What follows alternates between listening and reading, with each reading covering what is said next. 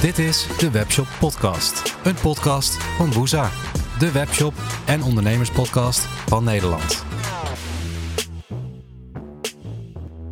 Welkom in deze podcast, Jeffrey. Super tof uh, dat je deel wil nemen hier aan. Van ons is voor mij echt uh, het paradepaardje als het gaat om agencies in uh, het bouwen van WordPress WooCommerce websites. Dus vandaar een eer voor mij dat jij wilt de deelnemen aan de Webshop podcast. Ja, ik zou het heel tof vinden als jij jezelf allereerst wil introduceren. Wie ben jij en, uh, en wat doen jullie? Ja, ik ben uh, Jeffrey Visser. Ik ben de operations manager en uh, partner bij Van ons. En wij zijn sinds 2006 een WordPress bureau in Amsterdam. doen grote WordPress sites en cases. Nou, daar gaan we het vast zo ook nog wel eventjes over hebben. Um, vanuit WordPress werken we vaak met WooCommerce. Um, en nu zeggen we ook uh, sinds een paar jaar, we kunnen ook echt wel andere technieken en dat doen we ook. Uh, maar in heel veel klantprojecten werken we met WordPress. Um, en dat doen we voor hele uiteenlopende klanten. Een bekende uh, site waar wij aan werken is in de buurt.nl. Dat is een lokale nieuwssite van de persgroep. maar we hebben ook andere cases die ik denk straks allemaal aan bod komen. Want dat zijn webshops. bijvoorbeeld die van Jules, uh, bekend uh, merk voor jonge ouders in Amsterdam in ieder geval en omstreken. ze maken kinderwagens. nou, dat is bijvoorbeeld een webshop die we destijds hebben gebouwd met, met WooCommerce. Doen jullie WordPress WooCommerce al vanaf het begin? Ja, zo'n beetje wel. Bas en Robert, de twee oprichters, begonnen eerst met Modix, een ander CMS. maar na ongeveer een jaartje zijn ze wel geswitcht naar WordPress. Dat was toen natuurlijk toch echt helemaal uh, ja, een heel, uh, heel basic CMS als je het vergelijkt met nu. Maar goed, dat is ook al, WordPress natuurlijk al 15 jaar oud.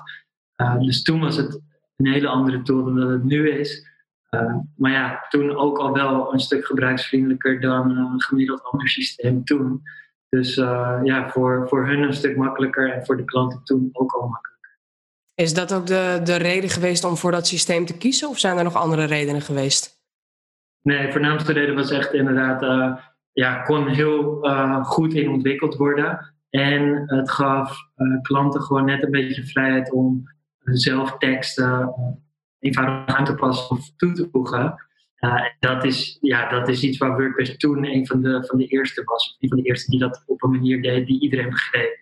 En dat is natuurlijk nog steeds wel een grote reden om überhaupt WooCommerce op WordPress in te zetten is gewoon heel eenvoudig uh, te beheren allemaal.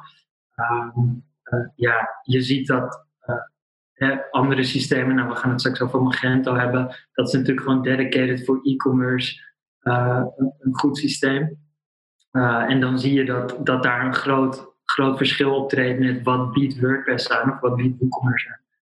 Um, maar ja, het blijft wel een eenvoudige interface hè, voor jong en oud. We zeggen ook altijd, Um, het is sowieso fijn om WordPress uh, te gebruiken, omdat je mensen waarschijnlijk in je organisatie hebt die al weten hoe het werkt, omdat ze er al vaker mee werken.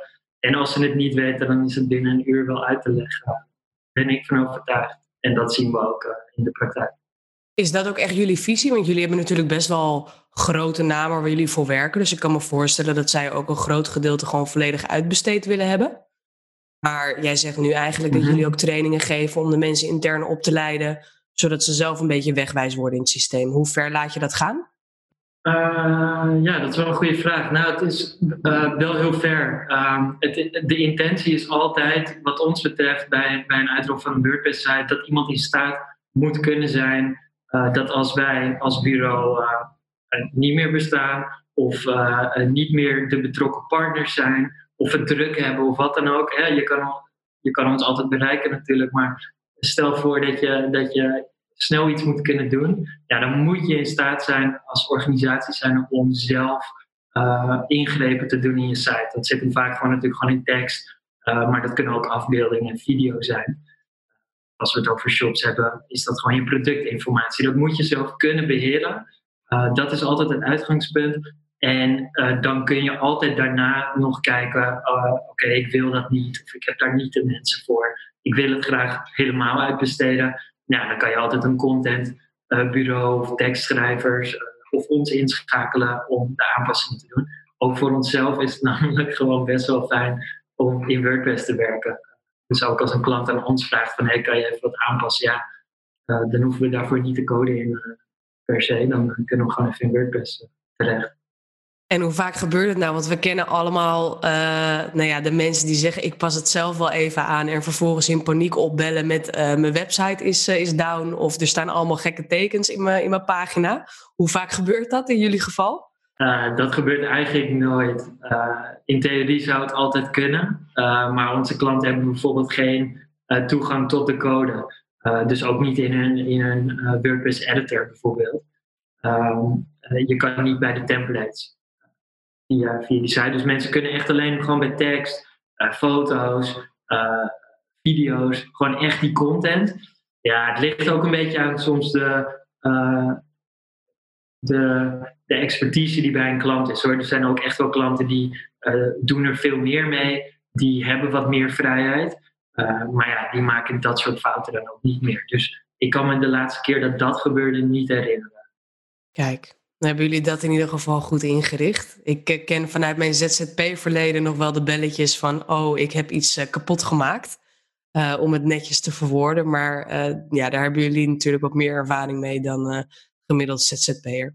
Ja, en ik merk ook wel dat dat ook soms wel wringt met de vrijheid die je eigenlijk verwacht in WordPress. We, we, hebben die discussie bijvoorbeeld ook wel eens over um, het zelf toevoegen van plugins met het zelf toevoegen daarvan kan er altijd iets misgaan. Uh, dus wij sluiten dat wel eens af voor klanten. Uh, we hebben ook wel eens overleg van ja, je mag best zelf een plugin toevoegen, maar uh, beter gaat dat in overleg. En overleg dat even met ons, dan testen we het even op een ontwikkelomgeving. Of de klant kan zelf bij de ontwikkelomgeving. We willen dat soort problemen echt wel uitsluiten. Omdat onze visie is van ja, je, je site moet enerzijds makkelijk beheerbaar zijn in WordPress. Tegelijkertijd wil je niet dat dat enorm belangrijke kanaal voor je omzet of voor je marketing voor je dienstverlening, dat het zomaar even uit de lucht kan zijn omdat iemand uh, een foutje maakt of een verkeerde plugin uh, uploadt. Nee, logisch. Want dan geef je eigenlijk meteen al het, het uh, puntje aan in WordPress, wat natuurlijk het meest kritieke punt is. Helemaal als mensen zelf gaan stoeien, plugins. Um, hoe gaan jullie daarmee om? Hebben jullie echt een, een vast scala aan plugins die jullie gewoon aanbieden aan klanten? En, en wat doen jullie met uh, plugins waar de klant zelf mee, mee komt? Ja, we, we, we hebben het heel lang vrijgelaten. Dus toen kon iedereen uploaden wat hij wilde, uh, dat opzicht. Ja, dan zie je dat je daar ook redelijk vaak uh, contact over hebt. Omdat er dan gewoon plugins insluipen die conflicten geven met andere plugins. Of die gehackt worden of wat dan ook. Um, dus je, je laat een enorm, ja, een enorm risico laat je toe in je site of in je shop. De recente jaren zien we dat we, dat we vaker gewoon discussies hebben met klanten. Oké, okay, we, gooien dat gewoon dicht. Um, als je wat wil, overleg dat. En dan zorgen we ervoor dat het getest wordt. Uh, we werken zelf vanuit, vanuit de, de bouw van een nieuwe site altijd met een aantal plugins die betrouwbaar zijn ik noem een Joost SEO. Weet je, daar zit een professionele organisatie achter. Uh, met genoeg mensen om dat te ondersteunen, om dat te updaten, om in de gaten te houden dat het goed gaat. Maken ook wel eens een foutje, uiteraard. Dat, dat bestaat. Uh, maar de kans dat dat bij hun gebeurt is vele malen kleiner uh, dan dat dat gebeurt bij iemand die vanaf een zolderkamer een leuke plugin heeft gemaakt. dus we zijn heel kritisch daarop. Ik denk dat als wij zonder dat een, als een klant daar niet naar vraagt, en wij leveren een nieuwe eh, site op, dan heeft hij gemiddeld denk ik vijf plugins. Uh, dat zijn gewoon plugins waar allemaal organisaties achter zitten, zoals die van Joost. Weet je, daar werken meer dan twintig mensen. Uh, die bestaan al wat langer. Dat soort dingen wegen we dan af. en klanten vragen wel eens van oké, ik, ik, heb deze plugin. En, heel vaak zijn dat ook weer betaalde plugins. Met professionele organisaties daarachter. Ja, dan, dan, kijken we gewoon even mee en testen we als nieuwe klant bij ons binnenkomt en die zegt van ik, ik heb hier een paar plugins en, ik wil dat jullie dat aan elkaar uh, lassen. Dat gebeurt ook wel regelmatig. Dat doen we niet zo gauw. Uh, dan kijken we liever van oké, wat is je doel? En dan gaan wij zelf uh, die functionaliteit neerzetten. We zijn ervan overtuigd dat, dat plugins een plek hebben in een WordPress site. Alleen je moet wel dan echt 100% meegaan in wat zo'n plugin voor je neerzet en wat die, wat die aanbiedt. Als dat niet helemaal is wat je wil en je moet in die plugin gaan harken, dan wordt het zelden een goed project. Eens. Jullie hebben wel zelf ook plugins in, uh, in de WordPress.org uh, plugin store staan, toch? Eentje voor een cookie notice. Ja, klopt. De GDPR plugin is inmiddels. Ik, ik, denk dat er nu professionele GDPR plugins zijn ondertussen. Maar ik ben wel heel blij dat we dat hebben gedaan. Want toen die van ons uitkwam, waren we een van de eerste uh, die echt even wat slimme dingetjes deden met GDPR, het verwijderen van, van, van, persoonsgegevens bijvoorbeeld uit een site. Um, en we onderhouden hem nog steeds wel. We gebruiken hem ook veel voor onze eigen klanten. Maar er zijn ook een aantal partijen volgens mij ondertussen opgedoken die, die ja, de plugins helemaal uitgekristalliseerd hebben en, en daar nog veel meer met de cookies mee doen bijvoorbeeld. Maar dat is een van de plugins die we in de repository hebben gezet. Ja, gewoon omdat we toen een van de, van de eerste waren. En dat wilden aanbieden voor, voor al onze klanten en voor iedereen in de community. Wat heeft het jullie opgeleverd? Want jullie hebben echt duizenden downloads daarvan gehad, zag ik. Ja, qua business durf ik te zeggen vrij weinig. Ehm, ik denk andersom heeft het ons in elk project na, wat was het, maart 2018 uit mijn hoofd. toen, toen iedereen ineens met de AVG bezig was. Het heeft ons in elk project in die zin geholpen dat we heel vaak die vraag kregen van hey, ik wil best een site met je bouwen, maar wat doen jullie met de AVG? Um, en dan was ons antwoord, en dat is het nog steeds wel, nou ja, wij hebben die plugin gemaakt, die heeft heel veel downloads, die dekt niet per se elke situatie die je kan bedenken af, uh, maar wel heel veel al wel. En uh, ja, er zijn dan klanten, we hebben ook een aantal klanten in de medische sector bijvoorbeeld, daar moeten nog een paar stappen gezet worden dan in het bouwen van zo'n site, dat die aan, aan zoveel mogelijk voldoet of aan alles voldoet. maar die plugin, ja, die helpt daar dan wel bij, want dan zien mensen, oh, dit, dit wordt door veel mensen gebruikt, het zal wel kloppen. Cool. Dus dat heeft ons in die zin heel veel geholpen. Maar ik bedoelde te zeggen van het heeft ons niet direct de business opgeleverd van uh, inderdaad een paar honderdduizend eh, downloads in totaal. Um, er waren geen mensen die belden, ik zie dat jullie die plugin hebben, nu wil ik een site van je. Nee, snap ik. Ja. Jammer is dat, hè? ja, dat je, ergens heb je in je achterhoofd wel eens dat dat zou kunnen gebeuren. Maar we hadden ook al vrij snel door dat dat niet helemaal is hoe het werkt. Uh, we waren vooral gewoon heel blij uh, dat we, kijk, wij wisten op een gegeven moment uh, over die AVG moeten we iets gaan doen. Iedereen gaat daarom vragen.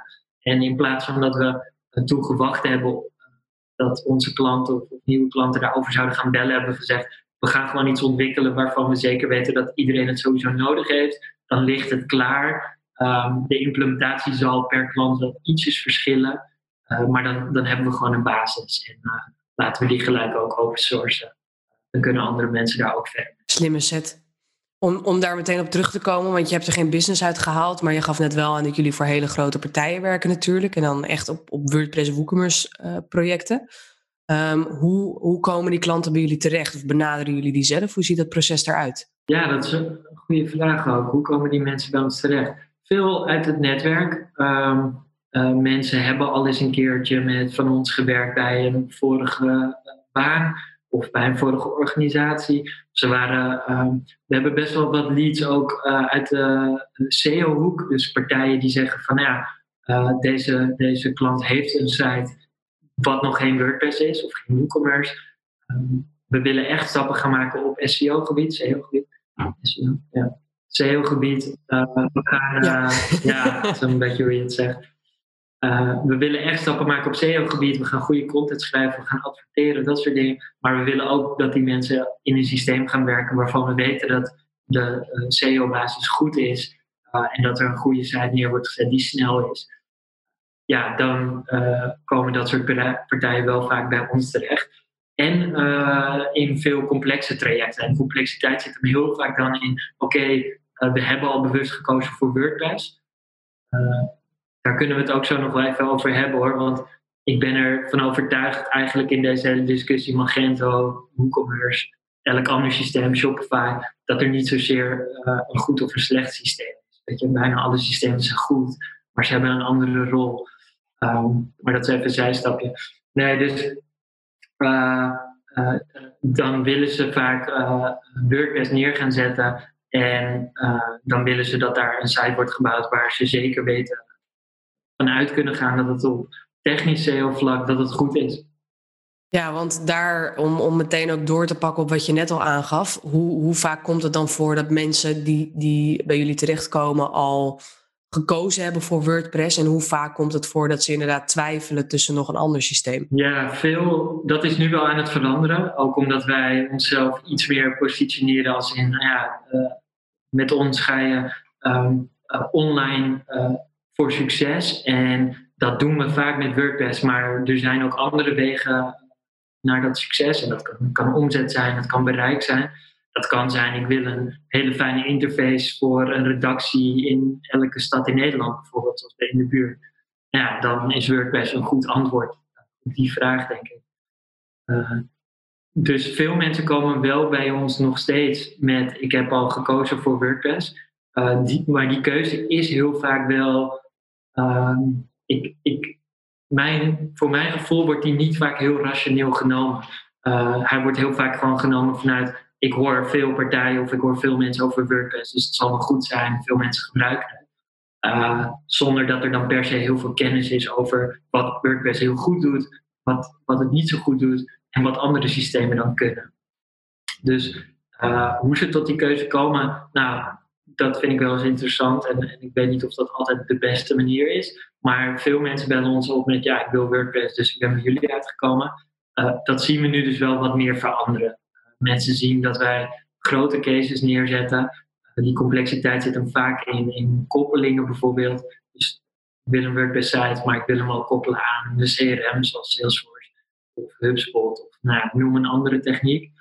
Um, daar hebben wij veel ervaring mee. Dat is vaak wat complexer, wat je niet per se bij elke WordPress agency van een paar man kan laten doen. En dan, ja, dan bellen ze op van ja, ik wil een complexe uh, koppeling. En uh, volgens mij moet ik bij jullie zijn. Ja, dus eigenlijk weten ze van tevoren al inderdaad als jullie bellen, ik wil met WordPress werken. Ja, vaak wel. En op het moment dat jij een partij benadert, want ik neem aan dat jullie zelf ook gewoon uh, een soort van sales voeren, of is dat niet nodig? Hebben jullie die luxe positie inmiddels uh, verdiend? Nee, we benaderen wel eens partijen hoor. Uh, we proberen dat eigenlijk nooit koud te doen. In het verleden hebben we wel eens gewoon hebben we wel zo'n bellijst gebeld. Daar word je niet wijzer van. Het is ook helemaal niet leuk om te doen. Je valt mensen natuurlijk ook echt lastig op dat moment. Een paar jaar geleden hebben we dat wel eens geprobeerd. Uh, nu doen we dat eigenlijk niet. Uh, nu vragen we gewoon bij bestaande klanten en relaties van oké, okay, ja, wie ken je nog meer die wij kunnen helpen? Slim. En, en via een netwerk van, van SEO-specialisten, content-specialisten, weet je, die zitten vaak al aan tafel, die worden ingevlogen als er een bepaalde site al is en, die moet verbeterd worden. En daar komt dan regelmatig uit van oké, okay, zij kunnen helpen vanuit hun expertise, maar soms zien ze ook echt dat de basis niet goed is. Um, ja, dan willen ze dat eens naar ons uh, refereren van oké, okay, ga ook eens met van ons praten, want mogelijk kunnen die gewoon een goede, betrouwbare technische basis voor je neerzetten. Dan wordt elke stap daarna wordt vaak wat makkelijker. Logisch, ja. Een referral is altijd beter dan, dan koud binnenkomen, absoluut. Ja, zeker. En om direct door te pakken op het onderwerp, want we, hebben het, we gaan het in deze podcast hebben over van Magento naar WooCommerce. Um, ik ga je meteen een hele kritische vraag stellen. Kan WooCommerce tippen aan Magento? Ja, dat is, een, dat is, een, uh, dat is ergens toch een lastige vraag. Kijk, ja, uh, ik, ik werk bij een, een WordPress WooCommerce bureau. en vanuit die rol zeg ik toch nee. want wij maken die keuze ook op het moment dat iemand ons belt en die zegt: Ja, ik twijfel tussen Magento en WooCommerce. En dan, maken wij ook een keuze of een afweging samen met diegene die belt: van ja, wat zijn dan je doelen? Uh, hoeveel producten gaan erin?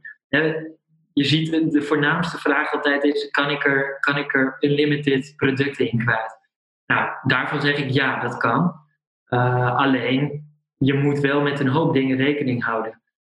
En de, de voornaamste, kijk, het voornaamste verschil is toch echt, uh, Magento is een CMS, ik denk dat je wel CMS kan zeggen, voor e-commerce, een e-commerce platform. Uh, WooCommerce is een plugin op het CMS WordPress. Daar zit, daar zit in de basis een groot verschil in. Magento is natuurlijk gewoon met maar één doel gebouwd en dat is producten tonen op een site die gekocht kunnen worden. Met heel veel vrijheid in hoe dat verder wordt ingericht. Die vrijheid bestaat in WordPress ook. In WooCommerce ook, hè, dat kan je helemaal naar je hand zetten. Maar uh, kan het tippen aan wat Magento kan? Nee, niet helemaal. Als jouw uh, focus is, ik ga alleen maar e-commerce doen. Nou, dan zijn er situaties waarin je dat denk ik niet in uh, WooCommerce moet doen. Maar in Magento of in andere software. Ligt er wel uiteindelijk ook vaak aan wat voor budget je hebt natuurlijk. in Magento zie je dat dat een, een redelijk zwaar en complex systeem is daar ga je uh, in de basis vaak meer aan uitgeven dan dat je uh, bij WooCommerce doet, wat je in principe ook gewoon thuis zelf in elkaar kan zetten. En daar zit ook weer, daar zit wel een enorm spanningsveld natuurlijk, want wij worden veel gebeld door partijen die zijn begonnen met ik heb een WooCommerce geïnstalleerd en ik heb niet zulke dure hosting en nu is mijn shop traag ja, dat, dan, dat is vaak dan de consequentie. Omdat je geen expert bent, maar het zelf in elkaar klikt, uh, gaat het net niet helemaal alles doen uh, wat je het liefst zou willen. Maar dat zijn dan, ja, dat zijn dan nooit helemaal de momenten dat je dan moet gaan hebben over Magento of elk ander systeem. Nee. Ik geloof nog heel erg dat daar een stap tussen zit. Namelijk, je kunt WooCommerce ook heel goed en professioneel aanpakken met niet elke plugin die je maar kan bedenken. Met goed uh, programmeerwerk ja, dan eh, kan je heel eh, ver komen daarmee. Eind vorige week heb ik tegen iemand gezegd: uh, tot 1 miljoen euro omzet durf ik het met, met jou en jouw business wel aan om het in WooCommerce te doen. Kijk, dan ben je ook realistisch bezig. Als iemand de mogelijkheid heeft om 1 miljoen euro omzet op jaarbasis te realiseren, dan heb je ook al het, al het budget en alle ruimte om eens dan goed na te gaan denken over, hey, misschien moet ik wel naar een dedicated e-commerce platform. Diegene was al, was al begonnen met, met WooCommerce, was ook redelijk ver daarin. Uh, er ging niet zo heel veel mis. Alleen hij begon wel te twijfelen over van ja, hoe, hoe, goed, ga, hoe goed kan ik hiermee verder met deze basis? Toen zei ik, nou ja, dat, daar kan je gewoon heel goed mee verder. Maar je moet wel bijvoorbeeld uh, ja, professionele hosting hebben om een snelle shop te houden. Uh, dat is dan een stap die je moet nemen. Maar je kan ook gaan switchen naar Magento. Maar waarom zou je? Want dan ga je eerst heel veel geld meer investeren in een shop die ongeveer hetzelfde gaat doen. Die stap is veel leuker met 1 miljoen euro omzet in je WooCommerce. Ja, zeker. Alleen waar zit het verschil dan in als jij 1 miljoen euro omzet per jaar draait? Wat maakt dan het verschil waardoor dan, stel ik heb alsnog 50.000 producten in mijn shop zitten waar ik die uh, eh, 8 ton mee draai, ik noem maar even wat dan zou het misschien toch nog beter voor me zijn om voor Magento te kiezen of uh, een ander e-commerce platform. Ja, maar dat maakt dus ook niet uit, want je komt erachter dat uh, als jij uh, zeg maar een goede shop hebt waar je veel mee verkoopt, dat kan in WooCommerce. En dan, ja, als daar een paar ton omzet bijgeprikt wordt, omdat je goed bezig bent in je SEO, SEA, in al je eh, marketing effort, ja, dan kom je dus in WooCommerce ook ontzettend ver. En dan uh, alleen heb je wel je initiële uh, investering meestal, vergeleken met een Magento-project, wel beperkt gehouden. Maar dan zeg je ook wel iets, iets goeds. Want WordPress in combinatie met WooCommerce is, en in combinatie met Joost, gaf je net al even aan, natuurlijk heel krachtig als het gaat om SEO. Ehm, dus stel mijn doel is om een, een community op te richten, om uh, content te maken over fashion en beauty en ondertussen uh, wat producten ernaast te verkopen. Dat zou een ideale klant zijn voor WordPress WooCommerce. Nou ja, stel dat ik dan uh, in, in de tweesplitsing zou zitten met zo'n webshop van oké, moet ik nou WooCommerce behouden of moet ik misschien overstappen op WooCommerce? Of moet ik naar Magento? Wat zou dan jouw advies zijn? Ja, dat zou heel erg liggen aan... Nou, als je de, de splitsing zoals je hem nu aangeeft... als je je ook uh, volledig gaat inzetten op uh, content... dan zou ik zelf altijd bij WordPress WooCommerce blijven. Uh, we combineren hem ook, allebei de systemen. Dus WordPress en Magento. Um, de, kijk, Magento is wel gewoon ook echt heel slecht in normale content. Uh, daarvoor moet je relatief gezien veel moeite doen om gewoon even goede pagina's daaruit te krijgen met een goede uh, titel, met tekst, met de goede SEO-headers. dat is allemaal relatief veel werk ten opzichte van een WordPress. Dus we hebben ook een aantal klanten die beide doen. Waarvan ik denk, ik, ja, het leukste voorbeeld vind ik Intratuin. Intratuin.nl is een Magento shop. En ze hebben een, een, een online magazine. Vroeger noemde je dat een blog. Online magazine, dat heet inspiratie.intratuin.nl. Uh, dat is een WordPress-site, die hebben wij gemaakt. Er zit een koppeling tussen, dus ze kunnen wat producten uit de Magento shop in artikelen in WordPress tonen. Maar voor hun, voor hun redactie, zeg maar, hun interne redactie, is het werken in WordPress gewoon wel heel erg fijn. Uh, omdat ze dan gewoon allerlei leuke content kunnen maken. Uh, waarvoor je relatief gezien in Magento gewoon een hoop moeite zou moeten doen. En dat is ook logisch. Daar zie je gewoon heel duidelijk: Magento is een uh, e-commerce platform en niet zozeer een content platform. Het kan wel, ook daarin kun je moeite doen en die content neerzetten. maar dan is WordPress gewoon een betere keuze. Ze hebben WordPress en Magento. Dat is gewoon een hele goede combinatie. Um, ja, en uh, het grappige is ook dat als je wel alleen e-commerce zou doen en je bent ooit als organisatie een keertje WooCommerce ingerold, hè, die keuze, we komen wel eens bij partijen, dan is die keuze al jaren geleden gemaakt. En dan, ja, dan kom je ook op dat moment van ja, gaan we switchen of, of vinden we dat te veel moeite en houden we het gewoon? Ja, dan kun je ook omstandigheden creëren waarin het met WooCommerce gewoon heel erg goed gaat. Uh, wij hebben klanten uh, gehad en nog steeds die daar uh, meer dan een miljoen omzet per jaar mee hebben gerealiseerd. Omdat de realisatie van omzet eigenlijk helemaal onafhankelijk is van, van je platformkeuze. Kijk, dat, en dat is waar in elk opzicht, behalve als jij op een zolderkamer niet zulke dure hosting neemt en er 35 plus plugins ingooit. Ja, dan wordt het niet een hele goede shop en dan gaan je bezoekers dat merken. Uh, en dan, dan faalt elk systeem. Ja, en dat is misschien ook wel een beetje het gevaar natuurlijk aan, aan WordPress. Dat je een, uh, nou, meer dan een miljoen gratis plugins kunt downloaden binnen enkele seconden. Dus dat men vaak en snel geneigd is om dan toch maar even de makkelijke weg te kiezen. Ja, die drempel is in die zin natuurlijk ontzettend laag. Omdat het open source gratis is. Het is allemaal voorhanden. Het, het wordt ook op die manier natuurlijk verpakt. Van, ja, je, je, je kan het zo allemaal in elkaar klikken. Um, dat heeft een aantal voordelen. Het geeft een hoop vrijheid. Je kunt altijd eventjes je, je, je prototype testen uh, door, door zelf wat dingen op te zetten. Maar uh, ja, wij zetten daar ook wel kanttekeningen bij. En dat is denk ik ook onze rol als, als professioneel WordPress bureau. Uh, dat we uitleggen wat de gevaren daarvan zijn. En dan is een gemiddelde klant bij van ons niet zo gebaat bij uh, een plugin repository waar, waar iedereen een plugin in kan. Nee, logisch. En als je dan kijkt naar Magento 1 nu, want die wordt uitgefaseerd in juni, dacht ik? Ja, ik heb het even opgezocht. 30 juni uh, eh, 2020, dan zijn ze helemaal klaar met Magento 1. En krijg je daar veel vragen van binnen? Van uh, paniek, we zitten nu op Magento 1, Magento 2 is een volledig nieuw systeem kunnen we niet eens kijken wat we kunnen doen in WooCommerce? Ja, wel regelmatig. Uh, we krijgen hem ook wel uh, van hey, moeten we niet naar Magento 2 of moeten we niet naar Shopify of moeten we niet naar andere. Op zich vinden mensen ons toch ook wel voor, voor bijna elk ander random CMS. Ehm, en daar adviseren we wel in hoor, alleen we ontwikkelen niet in, uh, in Magento of in Shopify. Um, ja, dus we krijgen die vraag wel regelmatig. Is nu wel wat minder geworden. Ik heb het idee dat veel mensen hun weg toch wel aan het vinden zijn naar Magento 2, waar je in het begin merkte um, dat er heel veel weerstand was. Eerst van uh, het is helemaal anders, dus ik moet mijn Magento 1 investering eigenlijk ja, uh, als verloren beschouwen en een vergelijkbare investering weer opnieuw doen.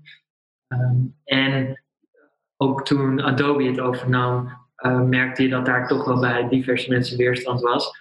Uh, ja, uiteindelijk zie je dat het. Uh, daar komt denk ik ook wel echt onze, ons, onze mening vandaan. Dat, dat elk systeem heeft zijn plekje. vroeger maakte je, maakte je ruzie over of je een Mac of een Windows moest hebben.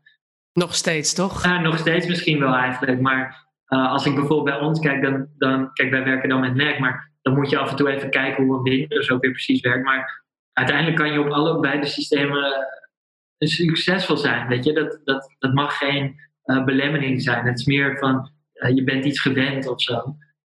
Maar ook Magento 2 is, is gewoon weer een goed platform. en WooCommerce is een goed platform. En Adobe producten kosten altijd x bedrag per maand. Maar die hebben natuurlijk ook gewoon een hoop op orde. Uh, Salesforce uh, e-commerce cloud is ook een heel mooi platform. Brengt weer allerlei andere zaken met zich mee. Het vroegere Demandware. Demandware. Ja. is ook een enorm groot enterprise e-commerce platform. wij zijn redelijk fan van Salesforce. meer het CRM dan. Dat gebruiken we redelijk vaak. Dat vaak aan WordPress-sites. Uh, maar die doen ook een hoop goed. En wat je uiteindelijk ziet, is dat je keuze vooral. Heel vaak wordt het een budgetkeuze, uh, omdat de ontwikkeling in verschillende systemen uh, gewoon best wel flink kan schelen. In, kijk, het kan echt het verschil zijn tussen 10.000 euro en 100.000 euro. Um, dus dat hangt gewoon heel erg van je organisatie af. Ik denk wel altijd, als organisatie zijnde zou ik altijd mijn personeel systemen willen geven die goed werken, die betrouwbaar zijn en waarin het leuk is om te werken. Dat is natuurlijk altijd toch iets moois bij WordPress. Dat uh, ik kan nog echt wel uh, uh, met plezier, met enthousiasme achter WordPress zitten. Er zijn systemen, nou, daar word je minder gelukkig van. Daar wil je niet elke dag in hoeven werken. Um, ja, dat is ook een beetje wat je gewend bent. Maar dat is ook hoe worden systemen vormgegeven en hoe fijn werken ze. Maar uiteindelijk kun je in al die systemen, al die e-commerce platformen, kun je spullen verkopen en een goede online ervaring aanbieden. Daar ben ik, daar ben ik heilig van overtuigd. Ik ben het eigenlijk volledig met je eens. Um, en het is natuurlijk afhankelijk van de situatie van de klant en wat je net al aangaf, de doelen van, van wat wil je bereiken met je website als je nou echt een ideale klant voor Magento zou moeten, Magento zou moeten, moeten aangeven, een ideale klant voor WooCommerce, wat zou dat dan in jouw oog zijn? Ja, ik denk dat je, wanneer wij, wij doen dat natuurlijk niet zo vaak. Wij, wij, uh, nou, wij, kijk, wij zijn altijd heel eerlijk in ons advies durven te zeggen. Wij, als wij merken dat iemand alleen maar e-commerce gaat doen, um, ja, dan, dan moeten we even goed bedenken waarom we dat dan met WooCommerce aan het doen zijn. Um, en dan komt het wel eens voor dat we zeggen van hé hey joh, dit is, dit is zo. Ja, het gaat vaak om een bepaalde complexiteit of uh, ja. Nou, vind ik best lastig om te zeggen, maar er zijn wel de situaties dat wij ook zeggen van hé hey joh, misschien is Magento gewoon beter. Maar dat komt eigenlijk niet zo heel vaak voor, omdat wij in WooCommerce natuurlijk ook alles kunnen realiseren wat je maar wilt eigenlijk. Alleen ja, een enkele keer komt het wel eens voor dat we merken dat er zo op bepaalde e-commerce functionaliteit wordt ingezoomd, uh, dat je de afweging ook moet maken van uh, is het het waard om dat allemaal te gaan bouwen in WooCommerce, met WooCommerce, uh, of bestaat dat al op een goede manier in Magento bijvoorbeeld, of in een ander e-commerce platform. Als ik denk aan de, aan de, aan de ideale klant voor, voor WooCommerce, dan zijn dat vaak opstartende bedrijven, mensen, ja, organisaties die voor het eerst online gaan verkopen. Of die een soort die al WordPress hebben en eigenlijk een klein e-commerce deel willen toevoegen. Dus wij hebben veel klanten die ook bijvoorbeeld um, een redelijk complexe WordPress-site hebben en daarin tickets verkopen. Nou, dan kunnen we die ticketverkoop, uh, dat kunnen we zelf opzetten als maatwerk. Uh, maar heel vaak is het dan ook zinvol om uit te gaan van WooCommerce. En doen we gewoon puur die verkoop via WooCommerce, um, omdat de rest van de site en alle functionaliteit dan al WordPress is. Een ideale Magento-klant, ja, wat ik zeg, dat is, dat is een partij die alleen maar dedicated e-commerce doet. En waarbij alles om, om die verkoop gaat. Maar die toch wel, die moeten dan toch in mijn ogen al vaak wel een bewezen product hebben. Want die hebben budget nodig om een, om een uh, traject in Magento op te gaan zetten, wat vaak gewoon kostbaarder is uh, dan wat je hebt liggen als je met twee of drie mensen een shop begint. Vanuit huis bijvoorbeeld. Dan, ja, dan heb je gemiddeld genomen niet het budget, in mijn ogen, voor een Magento-traject. En soms wel voor een WooCommerce-traject. Als al durf ik ook wel te zeggen dat als je bij van ons komt, dan hoeft het prijskaartje niet heel erg te verschillen tussen WooCommerce en Magento. Uh, alleen bij ons ja, zetten we dan alles in maatwerk op. En, ja, dat is toch een, toch een andere omgeving dan dat je dat in het dedicated uh, e-commerce platform Magento doet. Ja, maar de besparingskosten zitten hem natuurlijk niet alleen in de ontwikkelkosten hè, van, van Magento en WooCommerce. Je hebt natuurlijk ook uh, qua hosting en dat soort zaken zijn ook een stuk voordeliger, omdat het pakket in de basis al een stuk minder zwaar is. Ja, precies. Precies. Dat is wel iets waar ik echt weinig ervaring mee heb op Magento gebied. Maar inderdaad, alles wat, wat je erover leest is van oké, eigenlijk elke stap, je doorontwikkeling, je hosting, uh, het updaten. Ja, dat zijn ingrijpende, meer ingrijpende dingen dan je bij WooCommerce zou verwachten. Zeker. En als we dan kijken naar, ik heb nu een Magento-website en ik bel van ons omdat ik wil overstappen naar WooCommerce. Dat heb ik al besloten. Dus helemaal kan en kruiken. Mijn team staat achter me en die vindt het helemaal geweldig. Wat, wat gebeurt er dan? Kan ik dan dingen uh, exporteren uit mijn Magento shop en dat weer, weer importeren in mijn WooCommerce shop? Hoe gaan jullie dan te werk? Ja, dat kan zeker. Deze vraag krijgen we wel eens. En dan is het, dan, dan challengen we iemand echt van oké, je hebt al een heel goed e-commerce platform. Waarom zou je naar WooCommerce toe bewegen? We maken hem veel vaker de andere kant op mee. Dat, dat mensen zeggen, nou ja, ik heb, ik heb een hele mooie business opgezet in WooCommerce. Ik ga nu in ieder geval mijn WooCommerce deel gewoon echt lostrekken naar Magento toe. Um, de andere kant op komt gewoon wat minder vaak voor. Uh, meestal komt dat dan omdat mensen een slechte ervaring hebben binnen Magento. En, gewoon, en dat kan ook door de partner die daartussen zit uh, komen. maar die hebben een slechte ervaring. Die hebben van alles geprobeerd. Die denken, nou, ik ben helemaal klaar met Magento ik ga naar een ander platform toe. En dan kan het zijn dat WooCommerce op je radar komt. Um, ja, wij zullen altijd, maar dat doen we met elk systeem hoor, ook met maatwerk CMS'en of, of compleet andere systemen. wij zullen altijd zoveel mogelijk content proberen over te zetten en zoveel mogelijk daarin te automatiseren, want het scheelt gewoon een hoop werk. Ehm, dan gaan we, ja, gaat er gewoon, gaat alle productdata gaat over. Um, en we proberen altijd wel ook een, toch een, een clean cut te maken met orders. Want je moet heel duidelijk een soort laatste order in je bestaande systeem hebben. En wanneer je nieuwe systeem live gaat. En wat is dan de eerste order daar? Uh, dus daar ja, hebben we gewoon processen voor om dat helemaal uh, af te stemmen. Komt het wel eens voor dat jullie zeggen van nou, uh, WooCommerce lijkt me niet de juiste keuze. Misschien moet je toch voor een ander e-commerce platform gaan als je toch klaar bent met Magento? Ja, zeker zeker. We, we, we dagen dat echt uit van oké, ja, wat is dan gewoon een goed passend systeem? Waar zit dat dan in?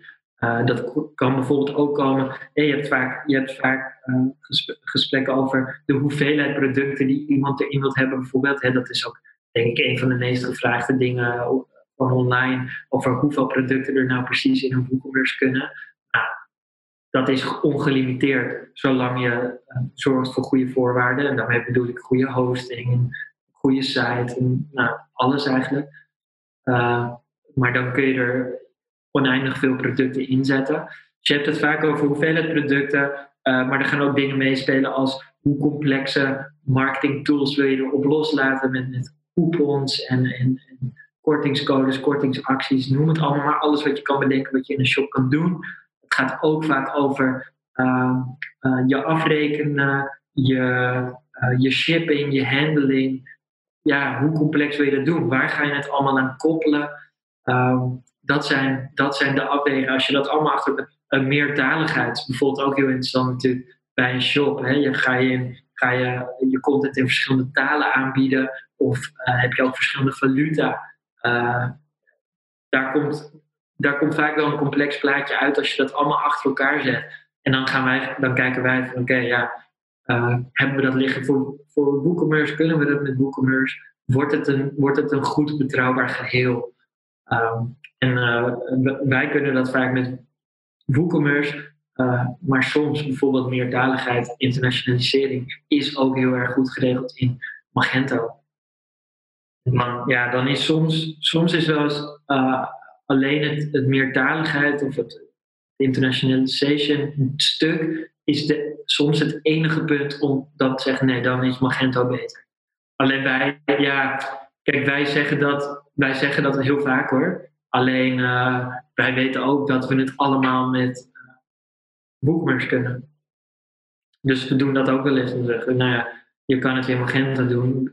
Als je met ons graag verder wilt, als je leuke kennismaking hebt gehad, dan doen we het graag voor je uh, in WooCommerce. Maar wat is dan um, volgens jou de, de meest geduchte concurrent van een Magento? Ik zag dat ze op magento.com zichzelf nu, dat is een van de dingen die bovenaan op de site staat, of misschien is dat niet tijdelijk zo, maar ik zag dat ze zichzelf vergeleken met Shopify.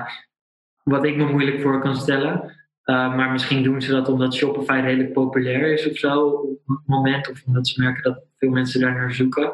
Kijk, Shopify is natuurlijk is helemaal online. Dus dat is toch een andere omgeving om je shop in op te gaan zetten. Um, ondanks dat ook wel goed zal zijn. Ik denk dat uh, de beste partijen of de, de partijen die echt op hun plek zijn bij Magento, als die verder willen kijken, nou, dan kan je een stap zetten naar WooCommerce. Uh, misschien als kostenbesparing of omdat je dat gewoon een heel fijn systeem vindt, omdat je bijvoorbeeld al uh, WordPress gewend bent, dan vind ik dat een goede stap. Ik zou zelf ook graag uh, alleen maar in WordPress en in WooCommerce willen werken, omdat ik dat gewend ben en het al 7, 8 jaar doe. Dus dat, dat zou ik ook fijn vinden. Maar ik denk dat als je um, heel erg zou willen opschalen, bijvoorbeeld. Als je, als je al een hele goede Magento shop hebt en je besluit dat je heel Europa, misschien wel heel de wereld moet gaan bedienen. Ja, dan kan ik maar een stap naar bijvoorbeeld een Salesforce e-commerce cloud of, of dat soort echt grote enterprise pakketten kan ik me uh, ook heel goed voorstellen. Ja, dan ga je meer richting het high-end, waar, waar je waarschijnlijk ook fysieke winkels hebt en, en kassasystemen en allerlei voorraden moet koppelen aan elkaar. Dan wordt het natuurlijk heel ingewikkeld. Ja, en dan, nou, dat, eh, daar zeg je het goed inderdaad met de kassasystemen. In Nederland heb je natuurlijk nog Lightspeed, wat ik toch altijd een beetje zie als de Nederlandse Shopify. Uh, maar wat voor nou, best wel wat ondernemers een goed platform is als je ook je kassasysteem uh, daar toch aan houdt. Ehm, want die hebben die, die hele kassa's uh, hebben ze ook. Dus dat is soms ook wel eens een goede uh, voor. Maar dat, dat zou ik eerder voor wat kleiner MKB wel zien. Of de online spelers. Dus de, de, webshops met één, twee producten die echt alleen maar online zijn. ja, dat, die kunnen wel op Lightspeed en op Shopify. Ja, online partijen zijn toch wat eenvoudiger. En ik, ik kan me ook niet voorstellen. Dus ik snap eigenlijk die. die keuze ook niet vanuit Magento om, om zichzelf te vergelijken met Shopify. Maar uh, ja, het is natuurlijk wel een uh, opkomend platform. We hebben er, uh, ik, zou, ik zou Shopify eerder vergelijken met een WooCommerce, ondanks dat het online via open source is. Maar dat is dan meteen ook de afweging van wil ik dan open source of online? Ja, helemaal eens. Nou, en omdat je die drempel om wel of niet een shop te gaan beginnen is, zou ik zeggen, vergelijkbaar. Want ik zit thuis als ZZP'er, uh, en we willen een merk lanceren, uh, ja, dan ga ik dat op het snelst en het, uh, het makkelijkst en toch wel voor het laagste budget kunnen doen bij Shopify, Lightspeed of WooCommerce. Um, en dan is de stap naar een Magento of een Salesforce e-commerce cloud, dat, dat, dat zijn compleet verschillende werelden. Ja, ook in mijn ogen. Ja. Hoe denk jij dat de toekomst van Magento eruit ziet? Ik denk dat ze. Um, ja, ik, ik hou me echt eigenlijk iets te weinig bezig met Magento hoor. Ik, ik ben op de hoogte van zeg maar hun versies en wat is er nieuw. Uh, maar verder, ik werk er heel weinig mee, weinig tot niet. Um, ik denk dat ze uh, wel uh, in goede handen zijn. kijk, daar, daar wordt gewoon aan doorontwikkeld. ik vermoed dat hun, um, hun community versie, hun, hun open source versie, die wordt mogelijk ondergesneeuwd of daar gebeurt misschien niet zoveel meer mee. Ik denk omdat dat wat minder interessant is voor hoe Adobe gemiddeld zijn producten uh, inregelt. Eens. Ik denk uh, dat het gewoon straks een onderdeel wordt van de Creative Cloud. En dan krijg je een e-com pakket bij. En uh, ja, we zien wel wat er gebeurt dan uh, met de maandelijkse tarieven. ja, precies, precies. Nou, en zij hebben ook vanuit Adobe Experience Manager en zo hebben ze wel. Ik denk dat, dat je als je eenmaal binnen Adobe zit, dat er genoeg manieren zijn om, op en af te schalen met, met internationale websites, echt grote partijen. Um, wij kijken wel eens naar de, naar de HM's en de, de Heineken's van deze wereld. Ja, die, als dat soort partijen eenmaal bij Adobe zitten, um, ja, dan heb je ook met Adobe wel een partner die wereldwijd. Uh... Absoluut. Ja, Adobe is wat dat betreft een goede partij. Conclusie kan, kan je van Magento 1 naar WooCommerce uh, overstappen? Ja, ah, dat vind, nu, vind ik, nu dat je hem zo stelt, vind ik het, vind ik de vraag een stuk leuker eigenlijk. Omdat de, al die mensen die nog, ik, ik weet niet of dat er veel zijn eigenlijk, maar al die mensen die nu nog op Magento 1 zitten, die staan nog steeds gewoon voor die splitsing. Ik denk nu een goede twee jaar geleden dat veel mensen echt op dat punt kwamen van, oh ja, wacht eventjes, straks moeten we, moeten we weer een investering doen, we moeten weer een systeem kiezen. Toen heb ik heel veel van die mensen geholpen. En dan was het, was het hè, daar zijn ook veel mensen van Magento afgestapt, die hebben hun geloof een beetje daarin verloren, omdat uh, Magento zou van Adobe worden, maar Magento 2 had ook veel opstartproblemen destijds. Nou, inmiddels is dat allemaal volgens mij wel onder controle. Maar de mensen die dus nu nog op Magento 1 zitten en die een stap gaan zetten naar Magento of waar we uh, naar Magento 2 of waar we het nog niet over hebben gehad is uh, Shopware, een Duitse e-commerce platform, wat toch ook redelijk populair lijkt ja, in verschillende kringen. Dus die mensen die nog steeds voor die keuze staan, ja, ik zou zeggen, maak de afweging vooral met je SEO-partner. Want die gaan, als het een goede SEO-partner is, die gaan aangeven uh, waarin jij online kunt knallen. En uh, een product verkopen met een betaalstraat, dat is, nou, misschien nog wel het meest complexe binnen webdevelopment. Dus het is wel enig rocket science om dat echt goed te doen. Maar al die systemen kunnen dat. WooCommerce kan het, Shopify heeft het. Tuurlijk, al die systemen hebben het. Alleen in welk platform ga je op een fijne manier kunnen werken en behalve je producten ook gewoon goede content kunnen schrijven die hoog in Google terechtkomt. Um, dat kan, dus dan zeg ik, uh, doe de combinatie WooCommerce, uh, nee niet WooCommerce, sorry, WordPress met een goed e-commerce platform, gewoon naast elkaar. Ehm, want ook, hè, je kan zeggen, ik, ik heb eh, Magento 1, ik ga naar Magento 2. Dat is prima, maar uh, contentbeheer Magento 2 is toch steeds niet zo goed als in WordPress. Um, en hetzelfde met, met, uh, met en dat soort platformen. Dus ik zou zeggen, ja, uh, kijk goed naar waar je fijn in werkt en waarin je goed kunt scoren in Google. En dan ga je toch ook vaak bij WordPress uitkomen. En je mag ook altijd naar WooCommerce toe. Uh, maar dan, ja, als je dat via ons doet, dan gaan we altijd eerst even goed kijken van oké, hoeveel producten gaat het, hoeveel orders gaat het, wat voor custom functionaliteit heb je, hoe pak je dat aan? En dan, dan kan je samen gewoon een goede keuze maken voor of WooCommerce of uh, een ander systeem. Maar dan moet je wel een beetje, een beetje budget meenemen, toch? Ja, dus ja, het ligt een beetje wat mensen gewend zijn. Ik zou zeggen dat het vaak nu wel vergelijkbaar is met uh, wat een Magento 1 traject kostte destijds. Uh, maar dat ligt er ook aan hoe complex je het maakt. Zeker nu in, in coronatijd zeggen wij wel van als je paar producten hebt en je wilt, je wilt af van restpartijen of van, je wilt gewoon even snel in de lucht zijn, nou, dan kunnen wij in een, in een paar dagen tot een week echt al wel een WooCommerce shop voor je in de lucht hebben. Dus, dus dat hoeft dan ook niet zoveel te kosten. Het is trouwens het eerste gesprek sinds anderhalve week waar we het nog niet over corona hebben gehad. Even tussendoor. ja, ik, nou, het, je ontkomt er bijna niet aan, maar wel bijna. We hebben het 50 minuten lang volgehouden om het er niet over te hebben. Precies, wat een verademing zeg. maar goed, wel goed om te weten dat je dus inderdaad wel bij jullie terecht kan om binnen een week even al je restpartijen er doorheen te jassen. Ja, dat doen we graag, want uh, dat doen we echt heel graag. Want mensen zitten nu gewoon met, met problemen. Uh, hè, die krijgen dingen niet verkocht of ze hebben misschien nog niet een kanaal uh, waarop dat makkelijk te doen is. Of ze hebben een kanaal waar ze zelf niet zo heel veel invloed op hebben ja, nu, dit zijn de tijden dat je snel wilt schakelen en, en uh, ram het maar eventjes online. En uh, uiteraard moet de ervaring voor de bezoeker goed zijn, want anders heeft het allemaal niet zoveel zin. Uh, hij moet goed zijn, maar hij moet ook vooral lekker hoog in Google staan en heel duidelijk en, en eenvoudig zijn. want je wil gewoon dat mensen door een betaalstraat gaan en, en dat jij van je producten afkomt.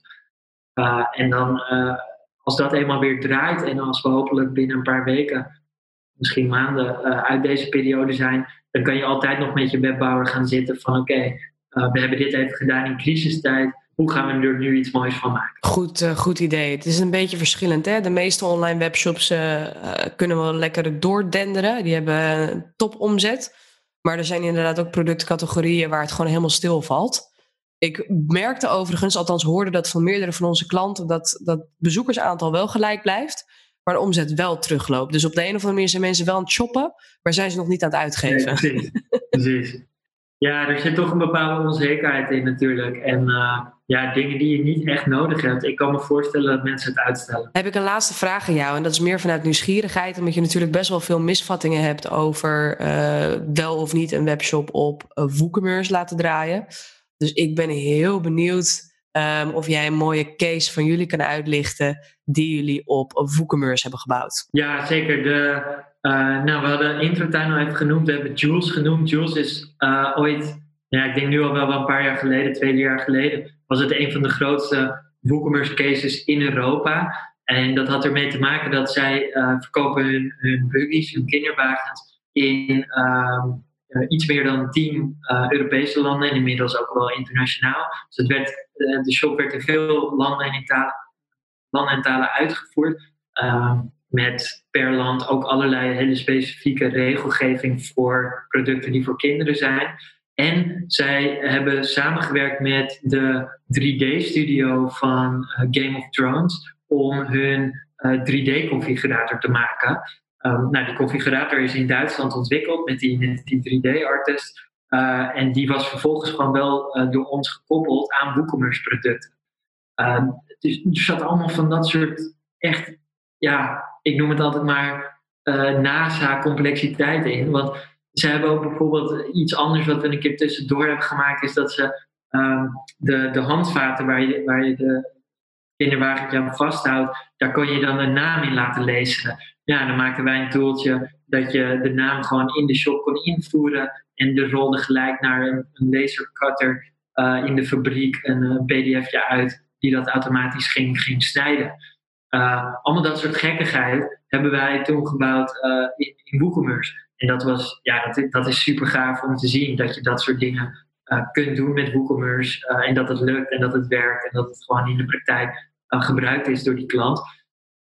Inmiddels zijn zij wel overgestapt naar een ander uh, systeem met een deel van hun shops. Zij hebben dus na, ik denk nu na een goede vijf jaar wel, um, op WooCommerce gedraaid hebben, hebben zij de overstap gemaakt naar uh, de Salesforce e-commerce cloud. Uh, daar hebben wij natuurlijk heel veel met hun ook over gesproken. van ja, wil je niet bij WooCommerce blijven? In WooCommerce hebben zij heel veel op orde. Um, uh, en uiteindelijk zie je dat er ook gewoon uh, businessredenen kunnen zijn om te zeggen: uh, nee, we gaan toch een overstap maken naar een ander systeem. Want we willen misschien wel ook allerlei andere facetten in de organisatie gaan afstemmen op Salesforce. nou, zo, zo zijn zij uiteindelijk overgestapt. Um, maar ja, we hebben nog steeds hele leuke cases. Ik vind Intratuin nog steeds een hele mooie blog dan, die dus samenwerkt met Magento. Dus dat is leuk voor dit gesprek. Um, we hebben dat ook op die manier draaien uh, met uh, verschillende onderdelen van onze klant Bouwmaterialen Nederland, BMN. Uh, die doen een aantal dingen, hun content dingen vooral ook goed in WordPress um, en een aantal dingen in Magento. Daar zijn we wel ook WooCommerce aan het verkennen. Een aantal andere WooCommerce cases. Ja, we hebben um, een andere case waar we nu recent heel erg veel aan werken. Dat is uh, zeg maar, ik noem het maar even de Britse uh, rituals. Het heet Votary. Um, en het grappige was dat zij hadden al een WooCommerce shop. En ze hadden wat uitdagingen met internationalization. Dus ook weer talen en uh, multicurrency. En toen hebben ze daar letterlijk gedacht van... nou, we komen er met onze Britse partij net niet helemaal uit. Welk land heeft nou nog meer dit probleem met multicurrency en, en met andere talen en landen? En toen hadden ze zelf bedacht dat zal uh, of de Noordic zijn of Nederland. Dus we gaan gewoon een Nederlandse partij bellen. Nou, dat, toen kwamen ze bij ons uit en wij hebben gezegd: ja, is goed, uh, we nemen je, je shop, je WooCommerce shop, nemen we in beheer. we gaan kijken wat er goed aan is, wat er nou precies niet lekker loopt in, die, in die multicurrency, multilanguage. en we zijn dat nu stapje voor stapje aan het verbeteren. Ja, dat zijn altijd hele leuke trajecten. zie je ook, is gewoon wel niet een heel, uh, ze bestaan niet super lang of zo. Dus het, het, is geen hele grote organisatie, maar ze zijn wel, nou, wel een, gevestigd merk. Bijvoorbeeld bij de Bijenkorf. er zit dus wat omzet, dus er is ook wat ruimte om te investeren. ja, en je ziet het nog steeds wel ook dat ze ontzettend veel stappen kunnen zetten, met name op het gebied van SEO, maar ook snelheid. bij hun is bijvoorbeeld iets leuks dat ze alle producten hebben dan wellicht een andere currency, euro's, ponden, Australische dollar, nou, dat soort dingen. Eh, maar hun productinformatie is los van de taal wel hetzelfde. Dus bij hun hebben we dan ja, bijvoorbeeld een tool gemaakt dat ze producten heel makkelijk naar elk land kunnen uitrollen. Wauw. Met een paar kliks. ja, dat zijn dan even de toffe dingen om, om te bouwen voor zo'n shop. Die is helemaal WooCommerce. Ja, en verder dus veel sites eigenlijk, corporate sites, waar wel bijvoorbeeld ticketing, verkoop in zit via WooCommerce of boekenverkoop, dat soort dingen. Eh, dus daar zit WooCommerce in, alleen je hebt daar, niet, uh, je hebt daar helemaal geen shopervaring eigenlijk. Nee, dat is natuurlijk een andere shopervaring dan een, een webshop met uh, honderden producten die, waar je een keuze moet maken die afgerekend moeten worden. Absoluut. Precies. Maar het is wel leuk om te zien dat deze cases eigenlijk ook bevestigen wat je net zei. Wanneer is WooCommerce een juiste keuze? Um, Jules, een gevestigd merk dat toch in de eerste vijf jaar, misschien wel iets later, um, toch gekozen heeft voor WooCommerce heel bewust. En nu, uh, ja, op het moment dat ze groter zijn, de overstap maakt naar een Salesforce e-com. Um, dat is een hele logische stap natuurlijk na vijf jaar voor zo'n merk. Nou, en e-, eigenlijk inderdaad dat jij het zo zegt, is het toch ook wel knap dat ze. Uh, dus hè, waar, we, waar we eerder in dit gesprek zie ik wel een gap tussen, tussen Shopify bijvoorbeeld aan de ene kant. En als je helemaal enterprise gaat kijken naar, naar Salesforce en naar uh, Magento 2, zeg maar. Uh, terwijl we, met bijvoorbeeld Jules hebben wij ze wel al die tijd, alles wat ertussen zit, hebben we uh, ja, zover kunnen brengen dat zij nu gewoon die stap kunnen zetten naar: oké, ik wil gewoon een andere provider van die software, want die biedt weer ook allerlei andere softwarepakketten aan die we ook verderop in de organisatie gaan gebruiken. Maar ze hebben het al die tijd gewoon kunnen doen met WooCommerce. Dus eigenlijk vult WooCommerce het gap. Ja, daar zit dus eigenlijk de, de hele crux van als je dat met een, met een professioneel bureau doet, die, uh, die, die, die genoeg programmeurs hebben zitten die dat goed neer kunnen zetten, ja, dan uh, kan je zo ver komen als je wil. Ik geloof er ook in, overigens, dat Jules uh, de komende vijf jaar dat ook op WooCommerce had kunnen doen. Nee, met jullie expertise sowieso niet natuurlijk. Nee, dat, nee. En dat, hè, er zijn wel meer uh, bureaus die dat kunnen hoor. Het is niet dat wij daar uniek in zijn of zo. Alleen daar zie je nog wel ook een, ook een soort ja, ook een ruimte tussen werk je met een partij waar, waar twee, drie man werkt, of een bureau van, van 20 of 30 of 40 plus man. daar zit een verschil in, ook qua expertise over SEO, over klantervaring online, UX, UI, design. alles wat je nodig hebt voor je online marketing. Cool. Ik vond het een heel leuk gesprek. Het heeft me toch weer een ander inzicht gegeven dan wat ik uh, van tevoren uh, voor ogen had en in gedachten had vooral. Laatste giveaway voor onze podcastluisteraars. Heb jij nog een goede tip voor de mensen die nu met hun handen in het haar zitten en denken: Oh my god, Magento 1, ik, ik moet iets gaan doen voor juni. Wat moet ik gaan doen? ja, goede vraag. Even kijken. Nou, voor juni zou ik zeggen. Uh dan ben je, ja, ik zou zeggen, start lekker met een WooCommerce shop en, uh, en kijk hoe ver je komt. Bel een bureau uh, waar ze aandacht voor je hebben. Je wil niet de kleinste klant zijn en niet de grootste klant. Dus kijk naar bureaus waar minstens 10 mensen werken. Uh, dan zit er genoeg, durf ik te zeggen, online expertise om tot een goede shop te komen. Je mag altijd van ons bellen natuurlijk. Uiteraard. Ik kan mijn gegevens achterlaten bij Jessica. Ja, komt goed ja, ik zou zeggen, begin lekker met een boekcommercial. Nice. Dankjewel voor deze, deze podcast en jouw inzicht. En um, nou ja, tot de volgende. Vond je deze podcast inspirerend? Voel je vrij om de podcast te delen via Facebook, LinkedIn of Instagram. Ook kun je een beoordeling achterlaten in de Apple Podcast app op je iPhone. Heb je een goed idee voor de volgende aflevering? Of heb je een vraag voor ons? Stuur ons een bericht via Instagram, @dewebshoppodcast of stuur ons een e-mail naar podcast.woesa.nl. Tot volgende week.